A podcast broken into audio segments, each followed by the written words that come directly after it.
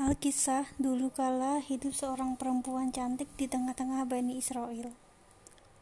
Kisah ini dikisahkan oleh Ibnu Qudamah Al-Muqaddasi dalam kitab Kisah Al-Tawabin atau kisah orang-orang yang bertaubat.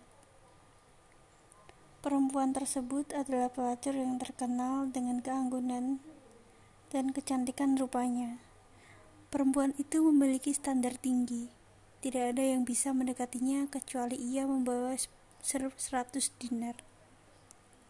Suatu hari, ada seorang ahli ibadah yang selalu mengisi hari-harinya dengan ibadah. Ia tidak sengaja bertemu dan melihat perempuan tersebut. Kecantikannya membuat sang ahli ibadah itu takjub dan terpana.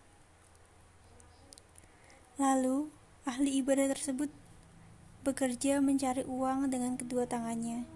Ia membuat dan menjual kain tenun, hingga akhirnya ia bisa mengumpulkan 100 dinar. Setelah itu, ia segera menemui perempuan tersebut. Sungguh engkau telah membuatku takjub dan terpana.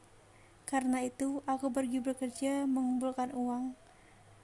Aku membuat dan menjual kain tenun hingga aku bisa mengumpulkan 100 dinar ini ujar sang ahli ibadah tersebut.